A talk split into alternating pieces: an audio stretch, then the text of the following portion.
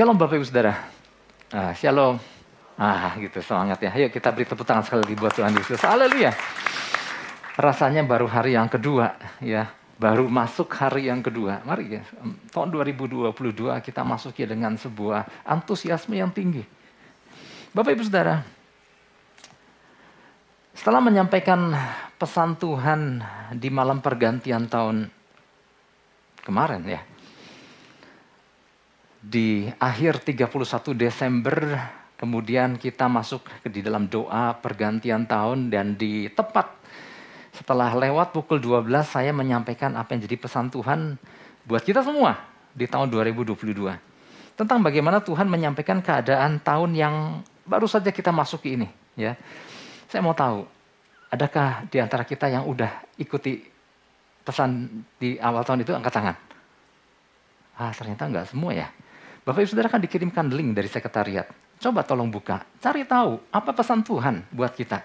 Karena keantusiasmean kita itu ada kaitannya dengan kekuatan yang akan kita peroleh sepanjang 2021. Jangan menjadi orang yang nggak mau tahu apa yang Tuhan yang sampaikan. Karena sepanjang 2022 ini kita harus berjalan di dalam kebenaran, di dalam perkataannya. Itu sumber kekuatan kita yang ngerti katakan amin. Nah Bapak Ibu Saudara kalau memang belum terima, Nanti biar minta sama sekretariat linknya. Atau semua juga udah dikirimkan ya. Nah coba buka, cari tahu di situ. Nah saya, meskipun saya udah sampaikan, saya kembali datang sama Tuhan untuk memohon pesan apa selanjutnya. Yang Tuhan mau sampaikan. Saya sebetulnya bisa meneruskan khotbah yang kemarin, karena itu masih baru poin satu. Tetapi saya, saya ada kesempatan buat datang sama Tuhan Tuhan sekiranya ada lagi yang Tuhan mau sampaikan membekali kami umatmu di RDB ini. Untuk kami masuk 2022 dan menjalaninya dengan kekuatan. Kami butuh kekuatan, kami butuh firman. Kami butuh arahanmu. Dan Bapak Ibu Saudara, apa yang Tuhan katakan? Sebuah kalimat atau sebuah perkataan yang singkat dan jelas. Nanti-nantikanlah. Artinya maksudnya gini, nanti-nantikanlah Tuhan yang mau katakan amin. Judul pesan Tuhan pada hari ini, di minggu, untuk minggu ini, di minggu ini maksudnya. Menanti-nantikan Tuhan itulah kunci kekuatan tahun 2022. Bapak Ibu Saudara, jadi Kunci untuk senantiasa memperoleh kekuatan dari Tuhan sepanjang 2022, 2022 adalah kunci ada. Tuhan mau kita, yuk nanti-nantikan dia. Gimana caranya? Nanti kita akan belajar cara datang Pak yang disebut menanti-nantikan Tuhan tuh kayak gimana. Karena udah lama saya nanti-nantikan segala yang saya inginkan. Kok nggak digenapi? Nanti kita akan belajar apa yang disebut menanti-nantikan. Menanti-nantikan keinginan kita apa menanti-nantikan Tuhan. Mari kita buka Yesaya 40 ayat 31. Saya mau ajak kita baca bersama-sama satu ayat ini yang rasanya nggak baca juga kita udah nggak nggak tanpa membacanya mestinya kita udah apa ayat ini tapi biarlah kita baca sudah terpampang juga di depan. Oke kita baca bersama-sama satu dua tiga tetapi orang-orang yang menanti nantikan Tuhan mendapat kekuatan baru. Mereka seumpama raja wali yang naik terbang dengan kekuatan sayapnya. Mereka berlari dan tidak menjadi lesu. Mereka berjalan dan tidak menjadi lelah. Katakan amin. Kita beri tepuk tangan dulu buat Tuhan Yesus. Haleluya. Kalau kita baca, sepertinya kayak agak janggal ya. Orang-orang yang menanti-nantikan Tuhan mendapat kekuatan baru, Pak. Saya udah nanti-nantikan, bukannya jadi kuat, jadi lemah. Jadi lemes. Mana? Nah Bapak Ibu Saudara, tapi ini yang dikatakan firman Tuhan. Kalau orang benar-benar menanti-nantikan Tuhan, bukan kelelahan yang dia dapat, tapi kekuatan. Ya. Beda kalau kita menanti-nantikan yang lain, mungkin kita bisa menjadi lelah, Bapak Ibu Saudara. Ya. Menanti-nantikan sesuatu yang nggak kunjung diperoleh, ya. bukannya dapat kekuatan, malah bisa-bisa datang sebuah kejemuan. Kita menantikan, pernah Bapak Ibu Saudara menanti-nantikan orang karena kita udah janji sama dia, tempatnya jelas, waktunya jelas, tetapi waktu saya datang, saya nanti-nantikan orang itu nggak kunjung datang. Saudara apa yang terjadi? Bukannya kekuatan, kesel malah iya. Gimana sih udah janji? Nggak muncul. Dan kalau udah nggak muncul, nggak ngasih kabar. Nah, Untuk hal ini saya percaya mestinya kita anak-anak Tuhan, kita udah lulus dalam hal ini mestinya. Kalau memang kita terlambat, kita kasih tahu bahwa kita sedang dalam perjalanan. Kalau nggak bisa datang, katakan nggak bisa datang. Tetapi kita janji, tapi nggak tiba-tiba les, nggak ada kabar. Terus apa lagi yang kadang-kadang di dalam menanti-nantikan, kadang-kadang orang menjadi lemah. Ada orang yang terus dikasih pengharapan palsu. Orang ada orang-orang yang terus diiming-imingi. Udahlah tenang nanti kalau kita dapat uang nanti kamu aku kasih ini ya kepada pasangannya atau orang tua kepada anaknya. Tetapi udah dapat kok nggak dikasih, yang terus dikasih adalah pengharapan palsu, pengharapan palsu, PHP, PHP terus. Apa yang terjadi Bapak Ibu Saudara? Lama-lama melalahkan. Lama-lama bisa bikin kecewa Pak kalau dijanjiin dulu tapi nggak digenapi katanya. Terus apa lagi? Kadang-kadang kita gini Bapak Ibu Saudara, kita menantikan kiriman barang. Kita butuh barang itu. Barangnya udah dikirim, tetapi nggak nyampe-nyampe. Nah kadang-kadang ada waktu-waktu penantian yang bikin, ya ampun ke mana ini barang, aku butuh barang ini gitu misalnya. Atau kadang-kadang ada sebuah yang sering kali terjadi adalah menantikan pasangan berubah. Ada ibu-ibu yang di sini pernah ngalami menantikan pasangan berubah, dia janji berubah udah seribu kali nggak pernah berubah pak. Bagaimana perasaannya? Apa jadi ada kekuatan yang baru? Enggak. Kesel malah ya. Nah Bapak Ibu Saudara, beda dengan yang namanya menanti-nantikan Tuhan ini.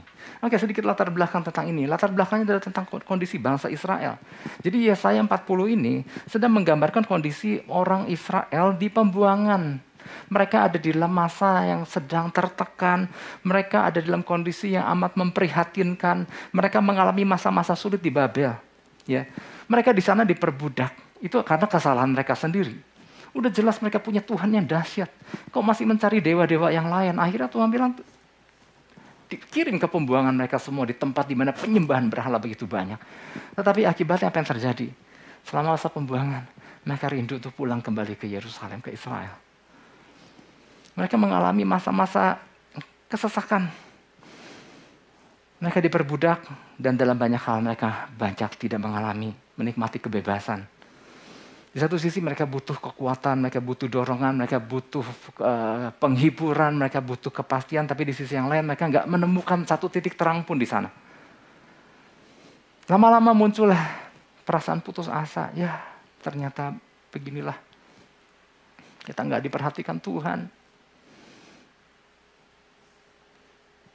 Mulai terdengar sayup-sayup keraguan akan kuasa Tuhan, seolah-olah tidak tahu situasi mereka. Apa benar Tuhan gak tahu situasi mereka, Bapak Ibu Saudara? Saya mau katakan, bahkan firman Tuhan katakan, Tuhan sangat tahu sekali kondisi umatnya. Tuhan sangat tahu situasi yang dihadapi umatnya. Itulah kebenaran pertama yang perlu kita tanamkan. Jadi berjalan bersama Tuhan. Mari Bapak Ibu Saudara di tahun 2022 tanamkan kalau kita berkata Tuhan baik, Tuhan itu jauh lebih baik dari apa yang kita pernah katakan tentang kebaikan Tuhan, katakan amin. Kalau kita menganggap Tuhan nggak tahu situasi aku hadapi, saya mau, mau sampaikan bahwa Tuhan sangat tahu apa yang sedang kita hadapi dan kita alami. Dia Allah yang maha tahu, dia Bapak yang tahu sekali apa yang anak-anaknya alami. Itu yang perlu kita tanamkan. Dia Allah yang mengetahui. Nah Tuhan sungguh tahu sungguh-sungguh kondisi umatnya pada waktu ini berbicara tentang bangsa Israel pada waktu itu. Mereka, Tuhan tahu sekali apa yang menimpa mereka. Tuhan tahu juga bahwa kekuatan umatnya sudah berkurang. Dan melalui Yesaya Tuhan nyatakan pesannya, Tuhan nyatakan kuasanya. Bahwa mereka seharusnya datang dan menanti-nantikan Tuhan. Karena ketika mereka menanti-nantikan Tuhan, mereka mendapat kekuatan yang baru. Jadi Tuhan sesungguhnya Tuhan sedang memperhatikan dengan penuh kesungguhan situasi dan pergumulan umatnya dan Tuhan juga sedang mempersiapkan upaya pembebasan mereka dan Tuhan kasih kuncinya, kuncinya ayo datang dan nanti-nantikan Tuhan. Sama halnya Bapak Ibu Saudara pesan ketika pesan itu disampaikan kepada kita saat ini saya Bapak Ibu dan Saudara. Tuhan tahu sendiri, tahu sekali kondisi kita pribadi lepas pribadi. Tuhan tahu sekali apa yang sedang kita hadapi. Dan Tuhan kasih kuncinya. Kuncinya adalah menanti-nantikan dia. Yang ngerti katakan amin. Nah Bapak Ibu Saudara, hari-hari ini atau sepanjang 2021 nggak sedikit orang-orang termasuk orang-orang percaya yang nggak sedikit mengalami keletihan, mengalami kelelahan. Ada kekhawatiran tentang hari-hari di depan yang akan dimasuki. Akankah kekhawatiran itu tentang tahun yang baru yang dimasuki apa terus berkecamuk Nah, berbagai sedangkan berbagai prediksi tentang apa yang akan terjadi tahun 2022 kalau kita dengar para pengamat-pengamat, para uh, nubuatan-nubuatan yang kadang-kadang menggetarkan Bapak Ibu Saudara. Ya, para pakar berkata wah kondisi ekonomi nggak lebih baik. Nubuatan hamba Tuhan bahwa mengatakan bahwa kondisi ekonomi global, uh, kondisi investasi nggak akan semakin lebih baik Kemudian para pakar virus berkata akan ada varian-varian yang lain yang kalau kita dengar semuanya bikin bikin gentar. Namun jangan khawatir tentang semuanya itu Bapak Ibu Saudara. Tuhan hanya katakan, nanti-nantikanlah dia. Kuncinya satu, nanti-nantikanlah dia. Kembali ke Yesaya 40 ayat 31 di situ dikatakan tetapi orang yang menantikan menanti-nantikan Tuhan mendapat kekuatan yang baru. Apa sih yang dimaksud dengan kekuatan? Kata kekuatan, kuat, kuat di sini bukan cuma berarti strength, bukan cuma berarti power, tapi juga berbicara soal kemampuan, ability, berbicara soal kecukupan, wealth, atau kelimpahan kalau kita mau ngomong kelimpahan. Jadi ternyata orang-orang menantikan Tuhan akan mendapat hal-hal yang luar biasa. Ya, bukan sekedar kekuatan, bukan sekedar power itu juga kita butuhkan, tapi juga ability, kemampuan dan segala kecukupan jadi kalau di Yesaya 40 ayat 31 itu dikatakan mereka seumpama raja wali yang naik terbang dengan kekuatan sayapnya. Nah di situ dipakai sebuah gambaran burung raja wali yang naik terbang dengan kekuatan sayapnya. Nah ternyata Bapak Ibu Saudara gambaran burung raja wali ini adalah raja wali yang sedang ada di tengah putar pusaran badai di mana dia burung raja wali salah satu burung yang terbesar pun bisa terombang-ambing dengan putaran badai. Tetapi ketika dia mulai menguasai diri, dia mulai mencoba mengembangkan sayapnya. Dan apa yang terjadi? Ketika dia mengembangkan sayapnya, dia menggunakan putaran badai yang sedang berkecamuk dan ketika dia kembangkan sayapnya, maka ada dorongan yang menarik dia untuk terbang ke atas, naik melebihi badai. Ketika di dalam kondisi tenang dan melepaskan, membuka sayapnya. Ketika dia nggak dalam kondisi tenang, maka dia bisa terombang-ambing oleh putaran badai. Nah, gambaran itu diberikan oleh Yesaya kepada diberikan Tuhan oleh Yesaya kepada orang oh, umat Israel untuk menggambarkan bahwa kekuatan seperti itulah mungkin badai bisa terjadi. Tapi kalau engkau datang menanti-nantikan Tuhan, engkau bagaikan Raja Wali yang sedang dengan tenang mengepakkan sayap dan ada dorongan lewat angin badai yang sedang bertiup kencang itu. Dia akan naik ke atas. Jadi seperti ada kekuatan baru yang mengangkatnya. Namun semua kekuatan itu diperoleh ketika orang percaya mau datang dan menanti-nantikan Tuhan. Ini yang paling gak enak ya dengernya, mau datang dan menanti-nantikan Tuhan. Pak itu kan keselin pak, datang dan menanti-nantikan Tuhan, saya orangnya gak sabar. Tetapi kuncinya cuma itu Bapak Ibu Saudara yang Tuhan pesankan buat kita semua di minggu ini, untuk masuk tahun ini. Oke, sekarang kita tangkap ya, apa sih maksudnya menanti-nantikan Tuhan? Ya, beberapa pengertian ya, minimal ada dua hal. Beberapa pengertian yang berkaitan dengan menantikan Tuhan. Yang pertama adalah datang dan memfokuskan diri kita kepada Tuhan. Datang dan memfokuskan diri kita kepada Tuhan. Siapa yang jadi fokusnya? Diri kita apa Tuhan? Datang dan fokuskan diri kita, fokuskan diri kita sama Tuhan. Lihat Tuhan dan Tuhan jadi fokusnya gitu maksudnya. Jadi kunci untuk menanti-nantikan Tuhan yang jadi fokus harus Tuhan. Harus siapa? Tuhan. Kata menanti-nantikan di dalam bahasa Ibrani adalah kafah. Kafah adalah menanti dengan penuh keyakinan atau kepastian. Menanti dengan penuh keyakinan atau kepastian. Nah, keyakinan terjadi karena pusat perhatian dalam menanti adalah Tuhan. Yaitu fokusnya hanya kepada Tuhan. Nah, tekanan yang menjadi objek penantian di sini adalah hanya Tuhan dan bukan situasi kita dan bukan objek apa pun. Mengapa fokusnya hanya Tuhan? Nah, Bapak Ibu Saudara, kalau baca Yesaya 40, di situ kita bisa melihat bagaimana Tuhan memperkenalkan dirinya bahwa dia adalah Allah yang dahsyat. Dia yang menciptakan langit dan bumi. Oke, saya nggak usah jauh-jauh karena itu banyak sekali ayat-ayat di pasal 40. Tetapi kalau kita lihat di ayat-ayat terdekat bahwa Tuhan adalah Allah yang hidup dan berkuasa. Di ayat 28 di situ dikatakan Tuhan yang menciptakan menciptakan langit dan bumi.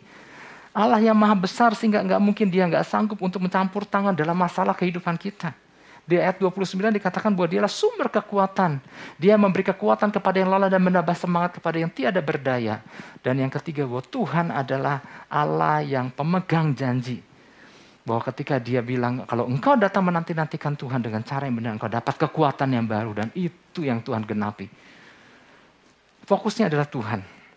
Namun sayangnya Bapak Ibu Saudara, nggak sedikit orang percaya mengartikan makna menanti-nantikan Tuhan dengan cara yang nggak tepat. Mereka datang kepada Tuhan untuk kemudian berfokus pada masalahnya. Ya kan? Aku udah datang sama Tuhan dan bawa aku, aku bawa perkaraku. Tuhan tolong selesaikan masalahku. Nah fokusnya sama masalah dia. Fokusnya sama diri dia dan masalah dia. Sedangkan tadi kita dengar kata kafah, kata menanti-nantikan. Fokusnya harus Tuhan. Mereka datang sama Tuhan sering kali untuk kemudian berfokus pada masalah meminta Tuhan selesaikan masalahnya. Bukan tentang Tuhannya. Sedangkan Tuhan mau, kalau kita datang sama Tuhan, fokusnya adalah tentang Tuhan. Tentang Yesus. Jadi, so, jadi sering kali gini, perlakuan orang-orang percaya tanpa disadari ya, baik disadari maupun tidak disadari, datang sama Tuhan itu seperti seolah-olah Tuhan lagi duduk di meja yang ada tulisan uh, meja counter jurusannya silahkan komplain datang gitu ya. Kan kadang kalau di mall kan ada tuh bagian masalah, bagian komplain silahkan datang ke meja anu. Nah, sering kali orang percaya menggambarkan datang sama Tuhan tuh datang ke meja komplain. Tuhan gimana ini masalahku? Kenapa engkau belum jawab? Ini kan aku udah nantikan sekian lama. Semua datang adalah tentang kita dan tentang masalah kita. Nah, sedangkan Tuhan mau, biarlah fokus utamanya adalah bukan tentang itu. Subjeknya bukan itu. Tuhan tolonglah aku, sudah lama aku menanti-nantikan jawaban atas masalah ini, sekarang tolong selesaikan, bukan itu. Jadi pada waktu kita datang menantikan Tuhan, yang pegang kontrol adalah Tuhan, bukan kita. Seringkali tanpa disadari yang pegang kontrol adalah kita. Ibarat ibu-ibu, oh jangan ibu-ibu ya nanti nggak enak ya. Ibarat kita lah Ya, kadang-kadang kalau uh, datang ke tukang jahit tanpa disadari nih Bapak Ibu Saudara, entah ke tukang jahit, entah ke beli buah yang pegang kontrol kan si pembeli. Aku datang ke tukang jahit nih, aku bawa kain sendiri, modelnya mesti begini, jadinya jangan lama-lama ya, tanggal segini aku mau pakai. Nih, harganya segini, semua kita yang nentukan. datang ke tukang buah, mang, aku mau beli buah, buahnya, pokoknya aku maunya buahnya ini, harganya segini, nih, gitu ya. Tanpa si yang jual memutuskan, bu, pak harganya bukan segitu, udahlah gitu. Nah sering kali orang datang sama Tuhan dengan gaya yang kayak begitu. Tuhan aku datang ini masalahku, aku ingin selesai secepat-cepatnya. Dalam tempo yang sesingkat-singkatnya. Kalau kita datang dengan gaya begitu, yang pegang kontrol siapa? Kita. Sedangkan kata kafah yang pegang kontrol harus Tuhan, yang menjadi fokus harus Tuhan. Nah sebagai perbandingan Bapak Ibu Saudara, nah saya, saya pernah menyampaikan beberapa kali di dalam doa pagi. Sebagai perbandingan, ingat nggak belum belum lama kan kita baru melewati Natal nih Bapak Ibu Saudara. Ya, saya pernah menyampaikan bahwa ketika malaikat Gabriel datang sama Maria, membawa kabar yang luar biasa bahwa Maria akan mengandung seorang anak laki-laki ya. Di situ dikatakan wow, malaikat itu datang dan dia bilang engkau akan mengandung dan engkau akan melahirkan seorang anak laki-laki dan hendaklah engkau menamai dia Yesus. Apakah Maria? Yes. Aku akan melahirkan seorang bayi laki-laki yang bernama Yesus. Enggak. Itu kabar sukacita, tapi buat Maria itu duka cita. Wow Dikatakan bagaimana itu mungkin bisa terjadi. Karena kan aku belum bersuami. Dan kita tahu kan hukumnya pada waktu itu ketika seorang masih gadis tiba-tiba hamil, hukumnya adalah hukum perjinahan. Orang itu akan dirajam sampai mati. Artinya buat Maria ini adalah berita yang mengejutkan seperti petir dia siang bolong. Ini mungkin bagikan berita malapetaka. Waduh, hal apa lagi yang akan terjadi? Tiba-tiba hamil. Tapi yang luar biasa Bapak Ibu Saudara. Respon Maria. Dikatakan sebab bagi Allah tidak ada yang mustahil. Fokusnya kepada siapa? Kepada aku, dirinya, apa kepada Tuhannya. Tuhan bagaimana nanti kalau orang bilang aku hamil padahal belum nikah. Nanti orang bilang ini, nanti orang bilang enggak, Maria enggak ngomong itu. Fokusnya bukan diri dia. Dia fokusnya sama Tuhan. Tuhan, bagimu tidak ada yang mustahil. Di dalam bahasa aslinya, adunateo. Adunateo adalah gini, enggak ada yang enggak mungkin bagi engkau. Enggak ada, enggak, Tuhan adalah pribadi yang memiliki kemampuan bagi sem, bagi hal apa pun engkau mampu mengatasinya. Dia berfokus hanya kepada Tuhan. Dan kemudian yang luar biasa yang keren di ayat Lukas 1 ayat 38. Di situ dikatakan kata Maria, sesungguhnya aku ini adalah hamba Tuhan. Jadilah padaku menurut perkataanmu itu. Lalu malaikat itu meninggalkan dia. Wow, ini luar biasa. Ya. Sejak itu Maria meskipun perutnya hari lepas hari makin membesar. Ya tetap usia usia kandungannya kan 9 bulan lebih itu kan.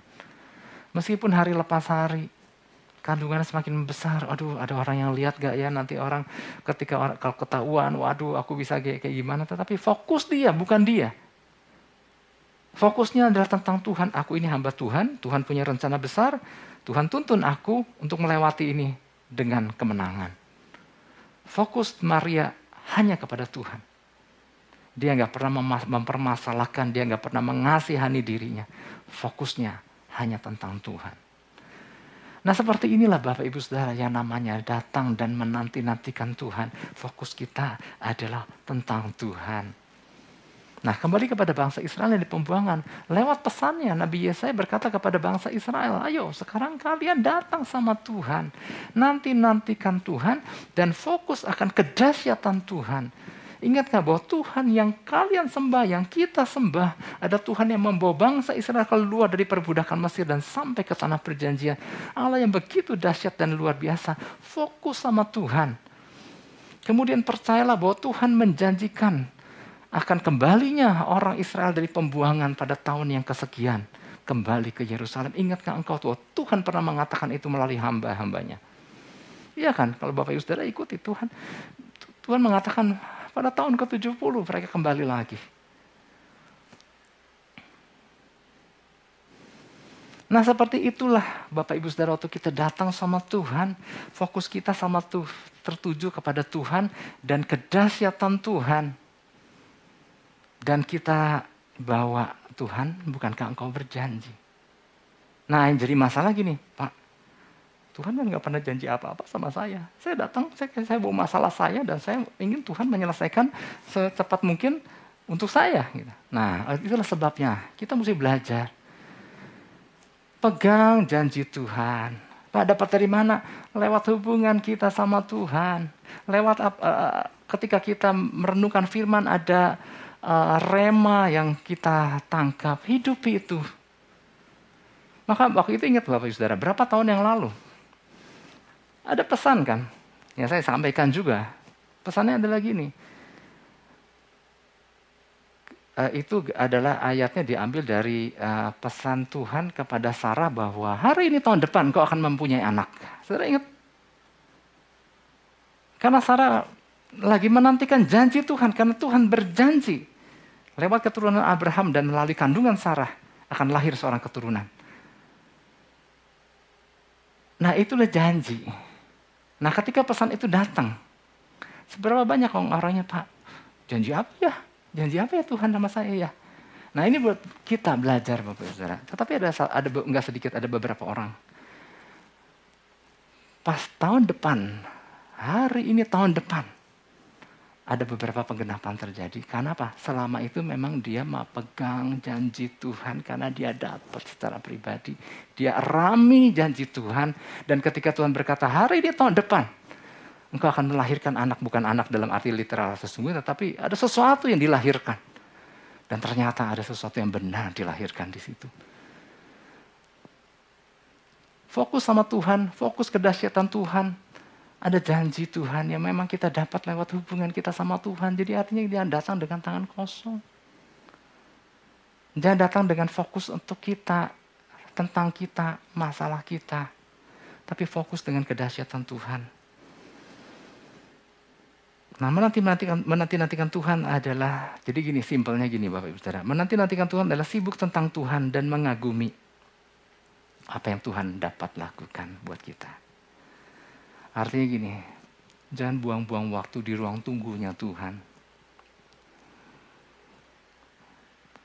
Ini sedikit gambaran kalau Bapak Ibu Saudara pergi ke menantikan seseorang disuruh tunggu di ruang tunggu, apa yang apa yang apa yang Bapak Ibu lakukan? Biasanya ngeluarin HP dan kemudian main ini dan itu. Tetapi maksudnya gini, ketika kita ada di ruang tunggunya Tuhan istilahnya, Mari kita sibuk dengan Tuhan. Dan belajar sesuatu. Tangkap sesuatu.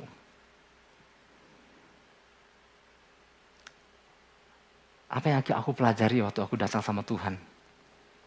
Minta kekuatan untuk Tuhan. Aku minta daya tahan untuk aku bisa melewati. Jadi mari uh, waktu kita menanti-nantikan di hadapan Tuhan, yuk kita juga bangun diri kita minta kekuatan, minta kemampuan. Oke, selanjutnya menanti-nantikan Tuhan adalah baik bagi kita karena membuat kita belajar untuk mempercayai Tuhan. Belajar untuk mempercayai waktunya Tuhan. Menanti-nantikan Tuhan adalah menyatakan kemuliaan Tuhan. Ingat kisah Lazarus? Semua hambatan, semua penundaan, semua penanti-nantian itu terjadi semua tujuannya apa? Supaya Tuhan dimuliakan. Ingat gak kisah Lazarus di situ? Jadi ternyata adalah baik untuk datang dan menanti-nantikan Tuhan karena semuanya adalah untuk kemuliaan Tuhan. Itu yang pertama. Oleh sebab itu mari Bapak Ibu Saudara. Kita mulai sedikit mengerti nanti pelajari lebih lagi ya tentang apa yang disebut menanti-nantikan Tuhan. Fokusnya bukan kita dan bukan tentang masalah kita. Fokusnya adalah belajar kenal Tuhan. Belajar betapa dahsyatnya Tuhan. Dan habiskan waktu kita di sana. Itu yang pertama. Yang kedua, yang dimaksud menanti-nantikan Tuhan adalah datang dan menjadi satu dengan Tuhan. Ini berbicara tentang bersekutu dengan Tuhan untuk akhirnya menangkap maksud Tuhan. Datang dan menjadi satu dengan Tuhan. Karena gini, kata menanti-nantikan Tuhan, kafah itu memiliki makna bind together. Terpilin. Ya, kayak e, berapa utas tali kemudian dipilin menjadi sebuah tambang. Nah, seperti itulah gambarannya. Waktu kita datang sama Tuhan, kita meleburkan diri menjadi satu dengan Tuhan. Kita mau sepakat dengan Tuhan. Kita mau tangkap sesuatu sama Tuhan. Makanya gini Bapak Ibu Saudara, orang yang menanti-nanti Tuhan mendapat kekuatan yang baru. Kenapa? Waktu dia menanti-nanti itu dia datang dan mem memutuskan untuk menjadi satu dengan Tuhan. Tuhan pokoknya engkau yang benar, engkau yang punya rencana, engkau yang punya jalan, aku setuju dengan engkau. Dan kita belajar kenal dia.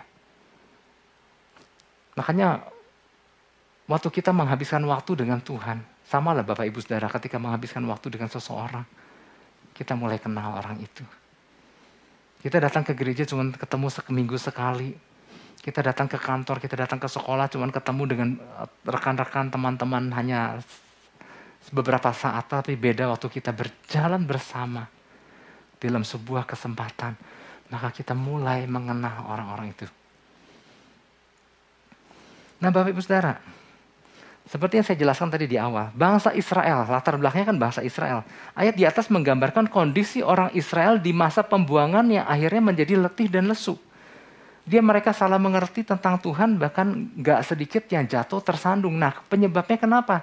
Karena bangsa Israel dan pada awalnya mereka adalah orang-orang yang tidak pernah mengindahkan perkataan Tuhan mereka adalah orang-orang yang mengabaikan pesan demi pesan Tuhan yang disampaikan melalui utusan-utusan Tuhan. Mereka adalah orang-orang yang memilih untuk bertindak menurut keinginan mereka sendiri daripada menghidupi rencana Tuhan. Akibatnya apa? Akibatnya tanpa disadari mereka keadaan semakin letih lesu dan dalam menjalani kehidupan. Nah Tuhan mau mereka mulai datang dan mulai menjadi satu dengan Tuhan. Nah Bapak Ibu Saudara, kalau orang-orang yang model bangsa Israel yang gak, yang mengabaikan perkataan Tuhan, yang mengabaikan pesan demi pesan Tuhan, yang gak peduli tentang rencana Tuhan, kalau kira-kira masuk ke tahun 2022 dengan pesan yang kemarin, kita seperti memasuki sebuah hutan. Udah saya jadi cerita sekali lagi ya. Tetapi gini deh, barangkali ada cuplikannya. Mari biar video aja yang bicara ya. Kalau ada, boleh ya dicuplik. Jadi ketika saya datang sama Tuhan, apa yang harus saya sampaikan? Saya dapat, Tuhan nyatakan begini. Bahwa kita memasuki 2022, kalau tahun lalu kan seperti kapal di tengah gelombang yang besar.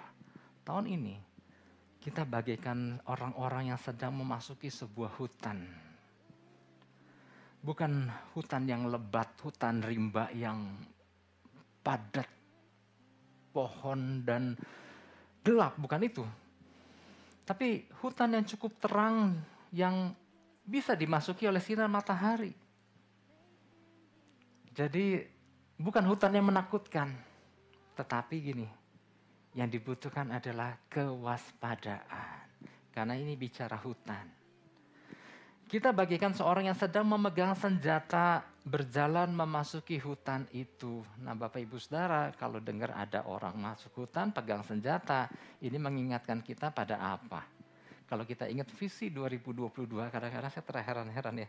Tuhan kalau pakai contoh, terus berkaitan dengan visi. Kita memasuki hutan itu, ada senjata yang kita pegang. Tapi harus berawas-awas, harus waspada karena memasuki hutan kita nggak tahu kapan bahaya itu akan datang sewaktu-waktu. Kita nggak tahu model binatang apa yang tiba-tiba bisa menyerang kita. Tapi yang dibutuhkan adalah kewaspadaan. Ketika bahaya mengancam, kita memiliki senjata yang kita bisa arahkan.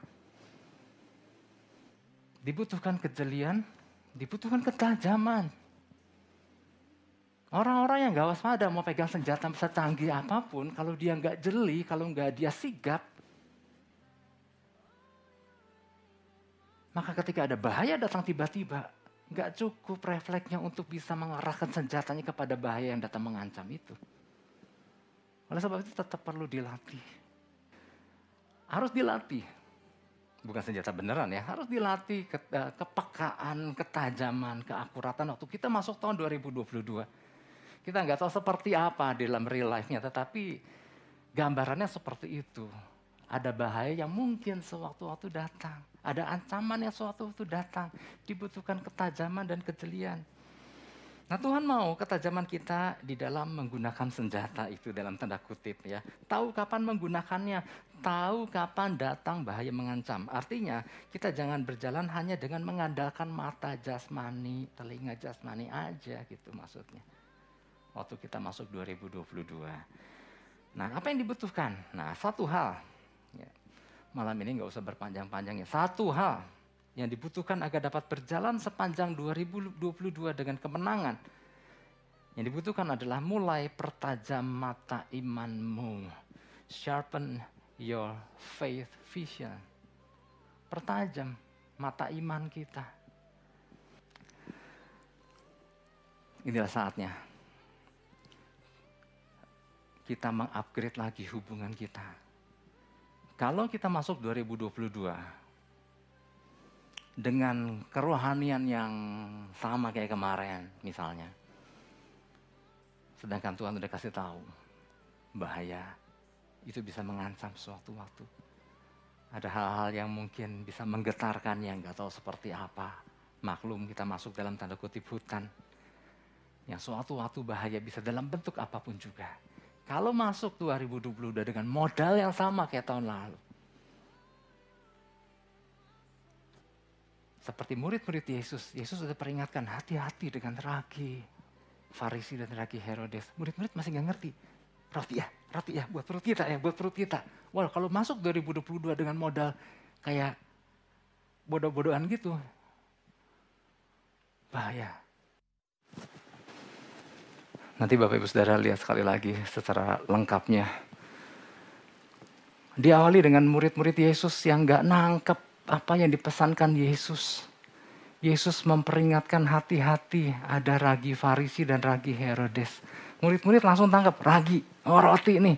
Kebetulan kita nggak bawa roti, di perahu cuma ada satu roti. Ah, Tuhan lagi bicara soal perut, Tuhan lagi bicara soal perut. Saudara, bayangkan, nggak nangkep apa yang Tuhan apa yang Yesus sampaikan pada waktu itu. Nah, kita jangan jadi orang-orang yang nggak tahu apa-apa, nangkepnya salah, nggak ngerti maksud Tuhan. Maksud Yesus adalah baik, hati-hati.